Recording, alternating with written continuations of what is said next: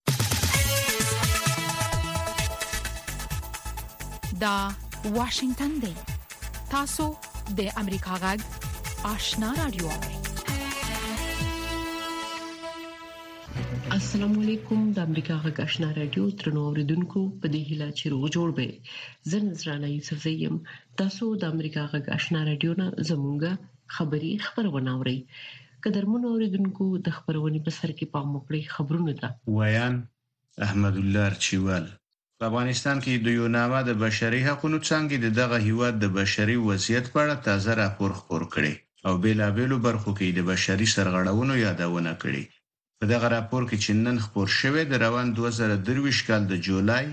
اګست او سپتمبر میاشتو پر مهال بشري سرغړونې مستندې شوي او د طالبانو له حکومته غوښتل شوي چې دا حقونه خوندي کړي. په راپور کې د ښځو د کار د بندیز برخه په سر کې راخیستل شوې او ویل شوي، چې په جولای میاشت کې د طالبانو امنیتي پرسونل پر هغو یو شمېر سنګرتونونو چاپې وهلي چې په پټه یې فعالیت کاوه. راپور کې د ښځو د ازاد تګ راتګ په برخه کې هغه بندیز ته اشاره شوې چې د طالبانو د امر بالمعروف او نهی عن المنکر وزیر د اګست په شپږیشتمه په بامیانو کې اعلان کړ او بند امیر پارک ته یې د ښځو تګ منع کړ.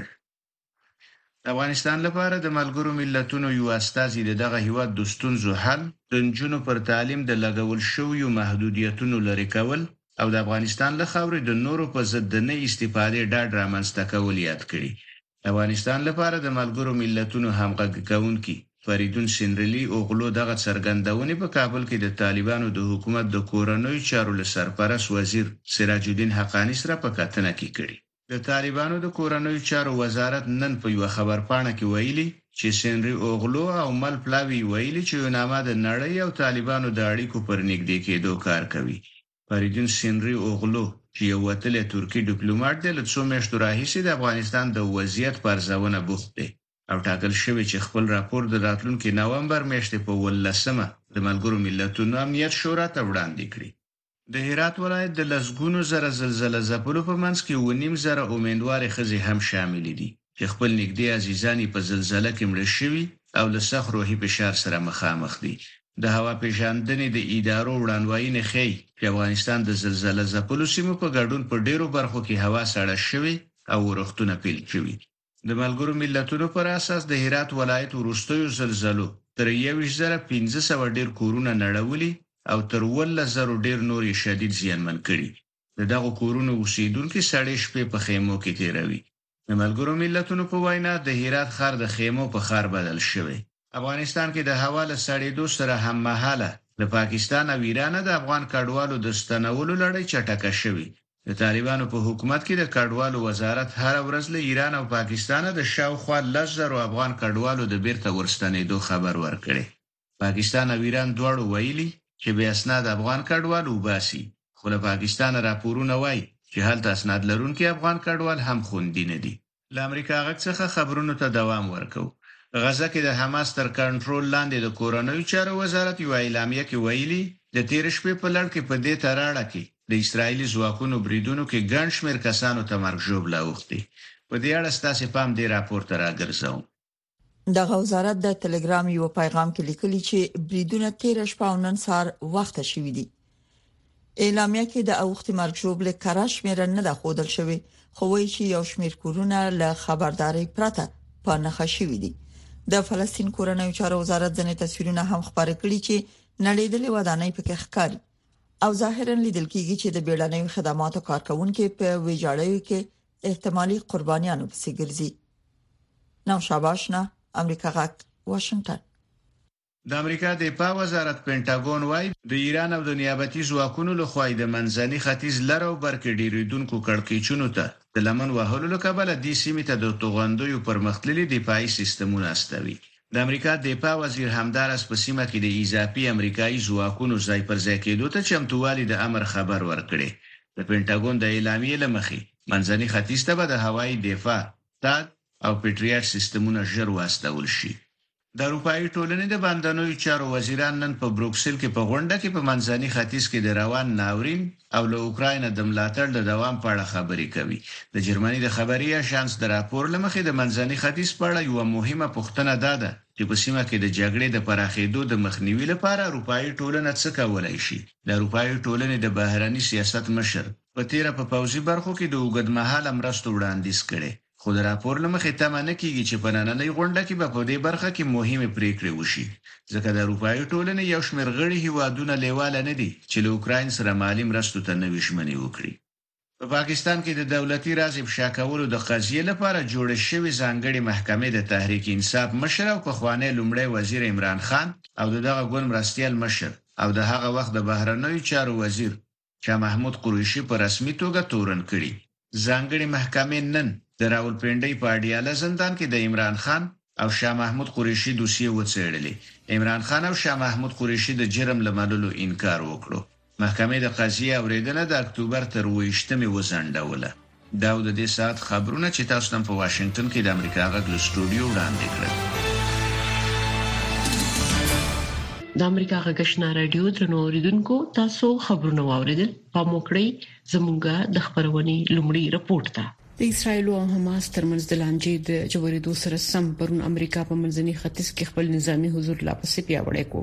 د دې کار موخه یوازې دفاعي اقدام دی خو امریکایي ځواکونه وایي چې هر ډول ګواښ ته به ډېر په تیزۍ سره جواب ورکړي نور تفصیل په دې رپورت کې د حماس پر وړاندې د اسراییلو لخوا د یوې بلې جګړې لپاره چمتووالي دا اندېښنې چې په سیمه کې د یوې پراخې جګړې خطر لا اوس هم موجود دی پسې زیاتې کړي په دغه لړ کې د امریکا متحده ایالتونو په سیمه کې د هوایي مدافع سیستم د ځای پر ځای کولو خبر ورکړی د امریکا د دفاع وزیر د امریکا د ای بي سي تلویزیون په یوه پروګرام کې دغه خبرې ته اشاره وکړه. تازه تازه موږ په عراق او سوریه کې پر امریکایي ځواکونو راکټي او د بې پیلوټه الوتکو بریدونه ګورو. موږ له خپل ځان څخه د دفاع حق لرو او په دې اړه د یو مناسب اقدام کولو څخه به دوه زړي نه شو. د امریکا د بهرنیو چارو وزیر انتوني بلینکن چې تازه یې سیمې ته سفر کړی، د امریکا تلویزیون ان بي سي سره په یوې مرکه کې ټینګار کړی چې په سیمه کې د امریکا نظامي حضور دفاعي موخې لري. موږ د جګړې د دویمې یا درېیمې جبهې خلاصول نه غواړو. موږ نه غواړو چې زموږ پر نظامیانو او یا پرسونل بریدونه وشي، خو که دا کار وشي، موږ ورته چمتو یو. بل لوري ته ترکیه دویم هیواد دی چې فلسطینیانو ته بشري مرستې لیږدوي، خو د ملګرو ملتونو د خوړو نړیوال پروګرام اجرایې رئیس چیندي میکین ویلي چې د رفح له لارې غزې ته د موادو د لیږدولو د موټرو قافله ډیره ورو ده. موږ وکړای شول چې شاوخوا دوه سوه زره خلکو ته تیره شپه ماښامنۍ ورکړو، خو دا کافي نه ده. دا یو څاڅکی دی. خلک له لوږې ځوریږي. دا د سیمې د ټولو خلکو لپاره د ملي امنیت موضوع ده. که په منځني ختیځ کې خطرونه لوړ دي، د امریکا د استازو جرګې د بهرنیو اړیکو کمېټې مشر مایکل مکال ویلي، چې جمهوري غوښتونکي ګوند د اکثریت لرونکي استازو جرګې لپاره د رئیس ټاکل هم اړین دي. نوموړي د اې بي سي تلویزیون سره د هغه جنجال چې د یادې جرګې د پخواني رئیس کیون مکارتي له ګوښه کولو وروسته رامنځته شوی، په اړه خبرې کولې.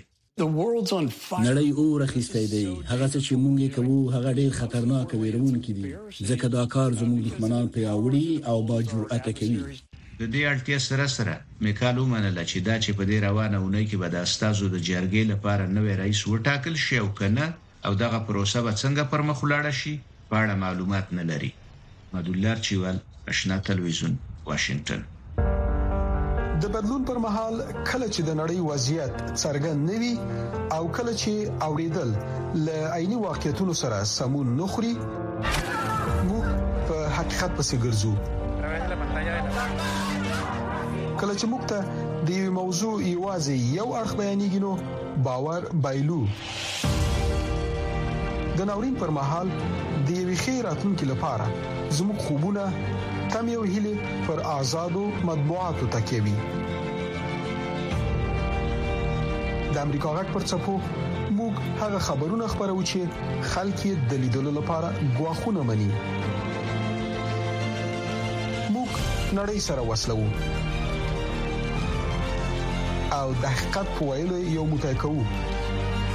د امریکا غږ لاري موږ بشپړ انزور درکو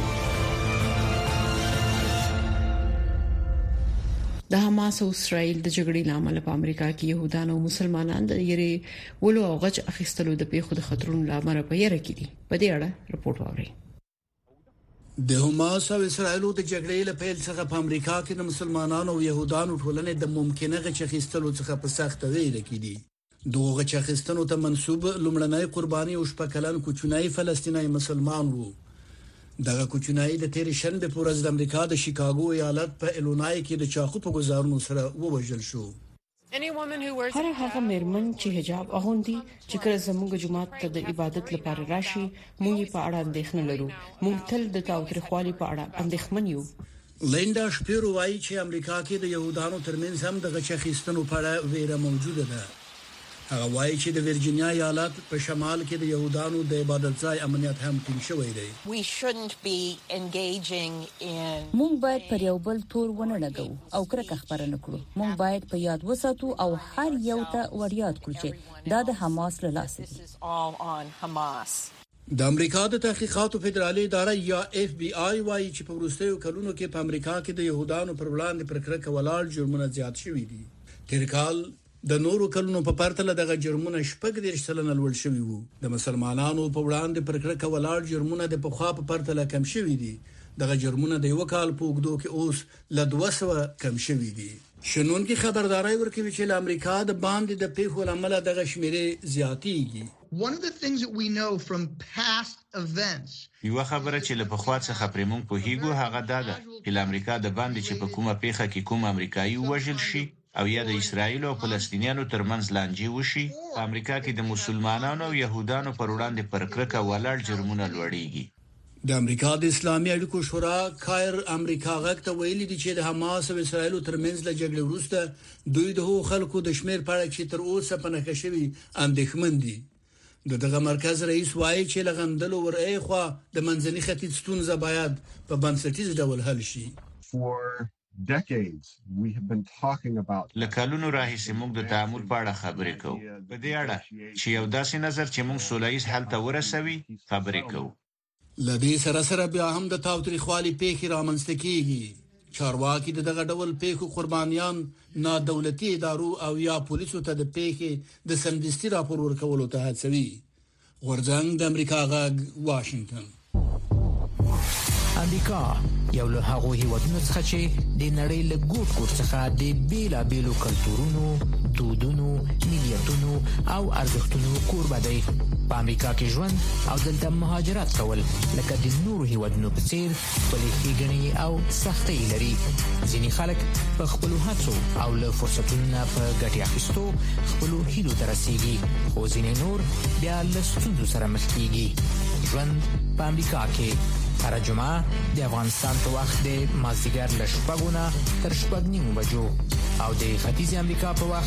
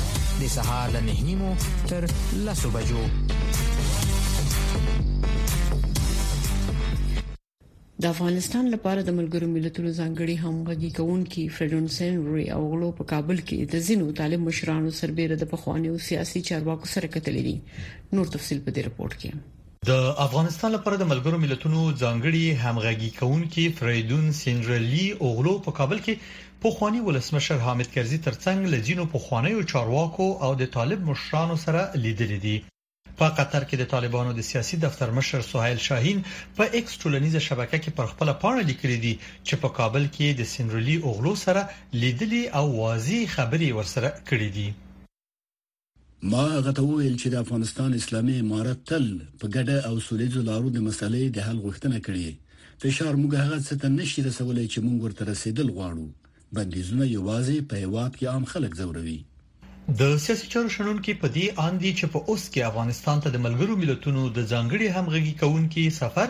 طالبانو ته ځانګړی پیغام لري دوی غواړي چې افغان حکومت یعنی طالبانو ته دا وایي چې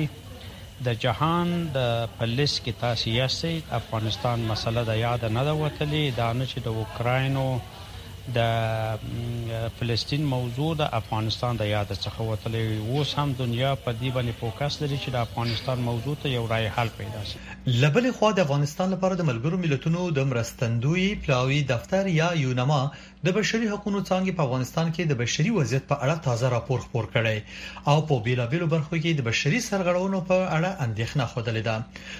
په راپور کې د ښځو د کار د بندیز، د ښځو د آزاد تګ راتګ، د نجونو د تعلیم بندیدل او په همدې درې میاشتو کې په عام محضر کې د دورو وهلو په ګډون ځینې نورې سرغړونې په ګوته شوې دي. د ښځو حقوقو ترڅنګ د پخواني نظامیانو نیول کیدل، شکنجه او حتی په ځینو برخو کې د دوی په مرموز ډول وژل کیدل او دې ترڅنګ په رسنیو په برخه کې ورځ تر بله محدودیتونه او د رسنیو بندیدل په ځینو مواردو کې د خبریالانو نیونه او د خبریالانو شکنجه او دې ترڅنګ د قانون تشوالی د اساسي قانون نه نیولې په مختلف برخو کې هیڅ قانون نشته د قانون نشوالی زمینه دي ته مساعد کړي چې د بشري حقونو تر خپو لاندې شي. د ملګرو ملتونو مرستندوی پلاوي دفتر یونما ویلي، د روان کال د اګست او سپټمبر میاشتې کې په افغانستان کې د ملکي تلفاتو په کچه کې د تېر دوه زره دوه ویشت کال د همدې مودې په پرتله د پام وړ کموالی راغلی دی.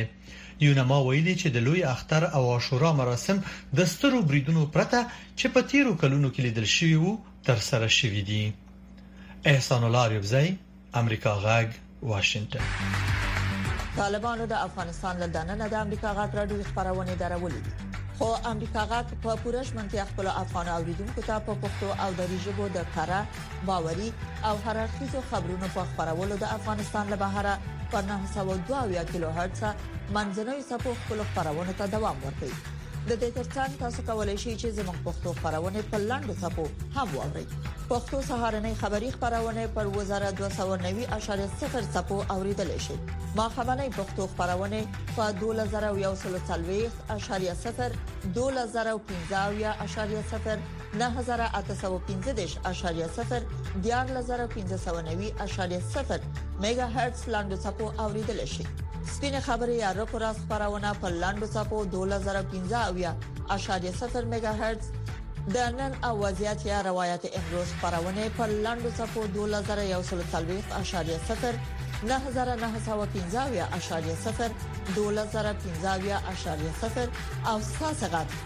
یا صداي شما خبرونه پر لاندو سپو 2015.0 9315 میگا هرتز اوریدل شي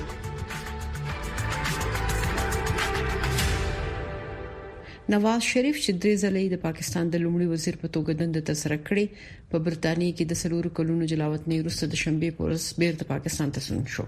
شنونکي وايي د نواز شریف تګ به په پاکستان کې د سیاسي خوځښتونو د بیا پیلېدو سره مرسته وکړي پام وکړي د رپورټه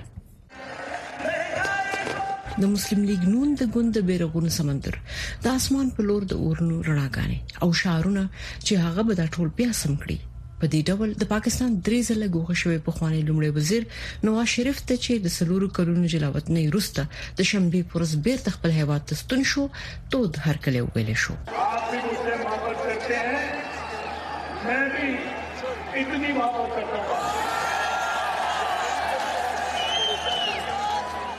د پاکستان د مسلم لیگ نواز کن مشر نواز شریف په 2013 کال کې د هغه نروست چې د فساد په تور په بند محکوم شو د درملنې لپاره هیواد پرې خودو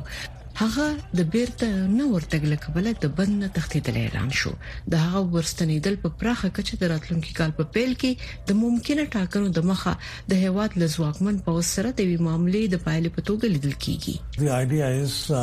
نظر دا دی چې ځواکمن خلک نه غواړي چې عمران خان او دغه ګوند ټاکنې وګټي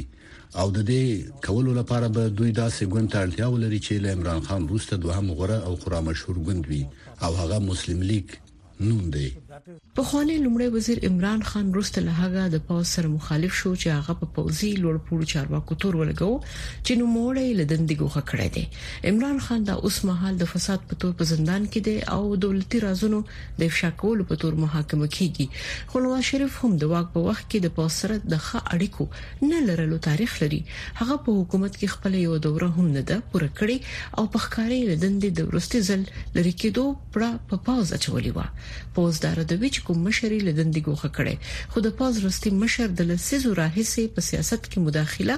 ومنله څارونکي وایي په داسې حال کې چې پوځ به د دولت په چارو کې خپل رول ته دوام ورکړي خو زیاتوي چې باید د خپل نفوذ د کچې په اړه د سر غور وکړي اناف از اناف نور بس دی پوز باید پریکړه وکړي چې سیاستوالو ته یو څه ځای ورکړي ځکه چې پوز د پاکستان اقتصاد نشي سمبالولای پوز د پاکستان حکومت نشي چلولای بل اخره دا باید سیاستوالو لخوا اداره شي د شریف پلویان د هغه نه ډېری هلي لري هغه بنا یوازې زمنګ د ستوندو سره مخ هواد بیرته لار ته سم کی بلکې پر مخ وای بوزي نواز شریف به د خپلو پلویانو د بیا رایوځای کولو سره سره په راتلونکو ورځو کې د خپلو قانوني ستونزو نه د وتلو هڅه هم کوي. په 2019 کال کې محکمې هغه د لومړي وزیر د دندې لپاره د تل لپاره د نوماندیدلو نه نااهله کړی شو، خو د ټاکنو په قانون کې وروستی تعدیل کولای شي دا بندیز ختم کړي. د نواز شریف حقوقي ډله په 2000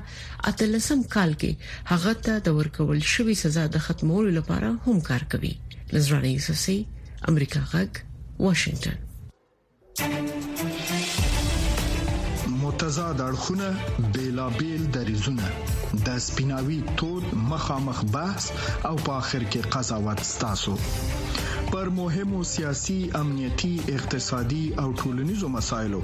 د افغانستان سیمه او نړۍ باندې د ژور څېړنیز بحث مهمه اونیزه خبرونه حایل د هرې جمعې په ورځ د افغانستان په وخت د ماخام ونیمونه تر اته بجو پورې د امریکا غږ د سټلایټ لارې په ژوندۍ بانه حایل د امریکا غږ د روانو چارو نوي ټلویزیونی خبرونه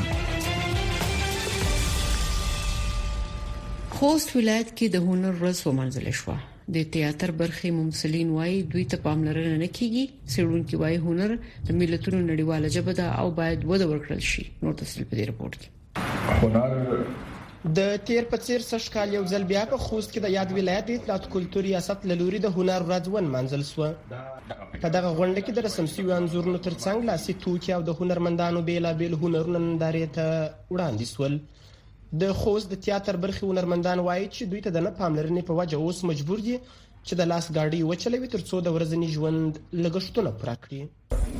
مسلینو ته به خدمت نه شوی په خوست کې ډیر زیات مسلین دي او څوک یو کار کوي څوک بل کار کوي موږ د دولیانو نه د غټ غټو وزیرانو کمندانانو نه دا خوښته په شمول د تیاتر کلچر رئیس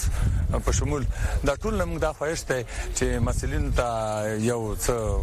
وړاندې کی مقصد تشویقي کی یو د کار زمينه ورته برابره کی په لومړیو کې ستونزه دا ده چې اقتصادي حالت د ټولو مماثلونو دې حالت ته رسیدلی دی چې حتی د کراچۍ چلولو ته برابر دي نو موږ ستونزې لرو دا یوه لویه ستونزه وه دویمه دا ستونزه ده چې د تمثیل په برخه کې موږ سره هیچا هیڅ ډول کمک نه دی کړی بل لور ته د خوست د اطلاعاتو کلتور ریاست چارواکي د ستونزو د منلو ترڅنګ وایي چې دوی چمتو دي چې له ممثلینو سره په ځینو برخو کې مرسته وکړي د هنرمندونو سره تر دې وخت پر یو یو تعداد هنرمندونو سره اړیکه نیولې شوې دو او خو خوست کې د دې شمیر تر اوسه پر دومره غوړیدل نه د موږ کوشش دا کو چې دا غشمیر ډیر شي نوي نوي استعدادونه پیدا شي او ورزل شي د دوی د پر د سہولتونو په مهیا کولو کې وو ان شاء الله تعالی د موږ د ګلاري مسول چې کوم ده هغه به په دې برخه کې د دوی سره ډیر کوشش کی خو بل لور ته شرونکي په افغانستان کې د هنر وضعیت شنه بولی د دوی په نظر چې هنر اوس د ملتونو د استازولۍ لپاره یو نړیواله ژبه ده چې د ودې لپاره باید د پونتونونو او علمي مراکزو په نصاب کې ځای ورکړل شي نن سبا هنر سیمه ییز نه ده بلکې نن یا محلي نه ده بلکې هنر پوهنتوني شوی دی په افغانستان کې چې هنرونه ورسته پاتې دي یا وده نه ده کړې علت دا دی چې مونږ مسلکی شوی نه یو په دې برخه کې مونږ باید کوشش وکړو چې خپل هنرونه راټول کړو د هغې لپاره ځانګړي اساسات جوړ کړو او په پوهنتونونو او تعلیمي مرکزونو کې یې د یوه ځانګړي درسي مضمون یا د یو نصاب برخه وګرځوو. په افغانستان کې له لسیزو راپدیخوا هنرمندان له خورا لویو ستونزو سره مخ دي.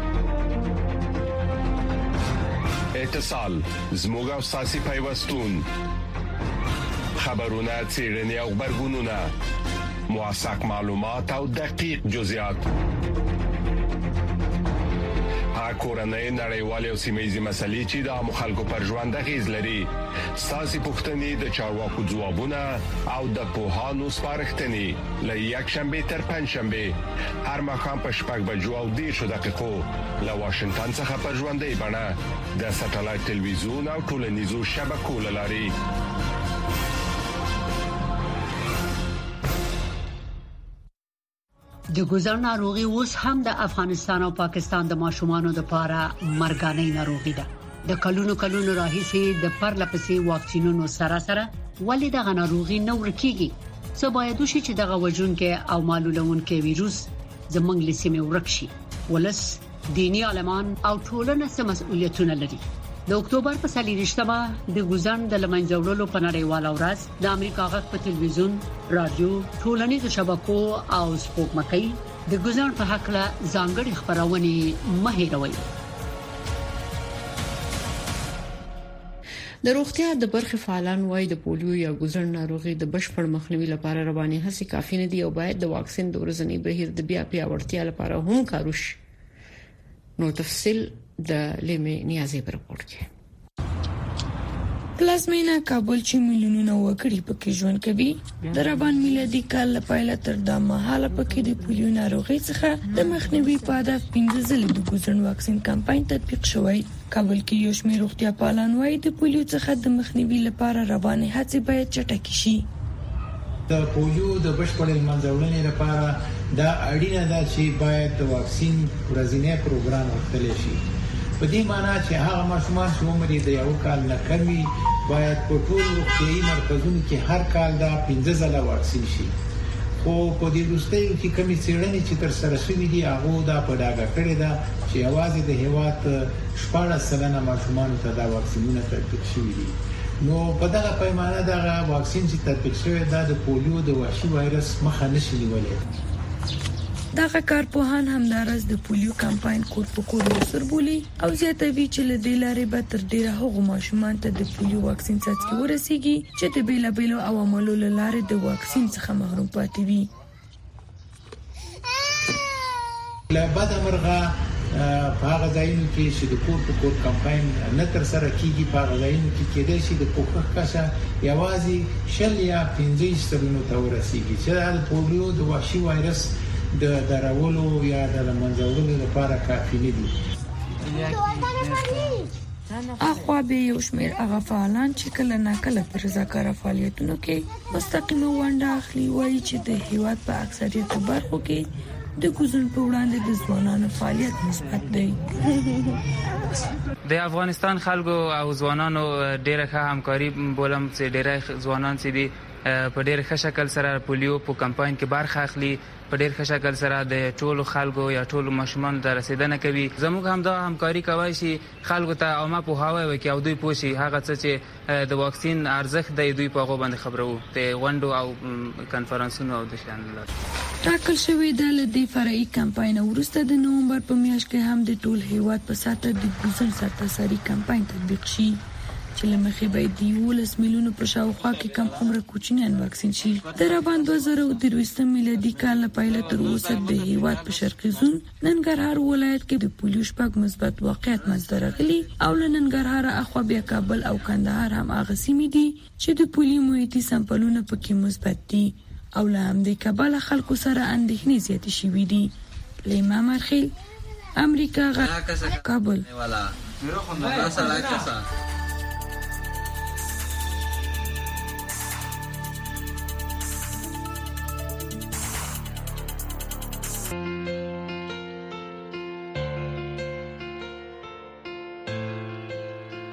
قدرمنو اوریدونکو تاسو د امریکا غږ آشنا رادیو نه زموږه خبری خبرونه واوریده موږ تاسو نه په دې اجازه غواړو چې خبرونه به اوریدلې وي خدای په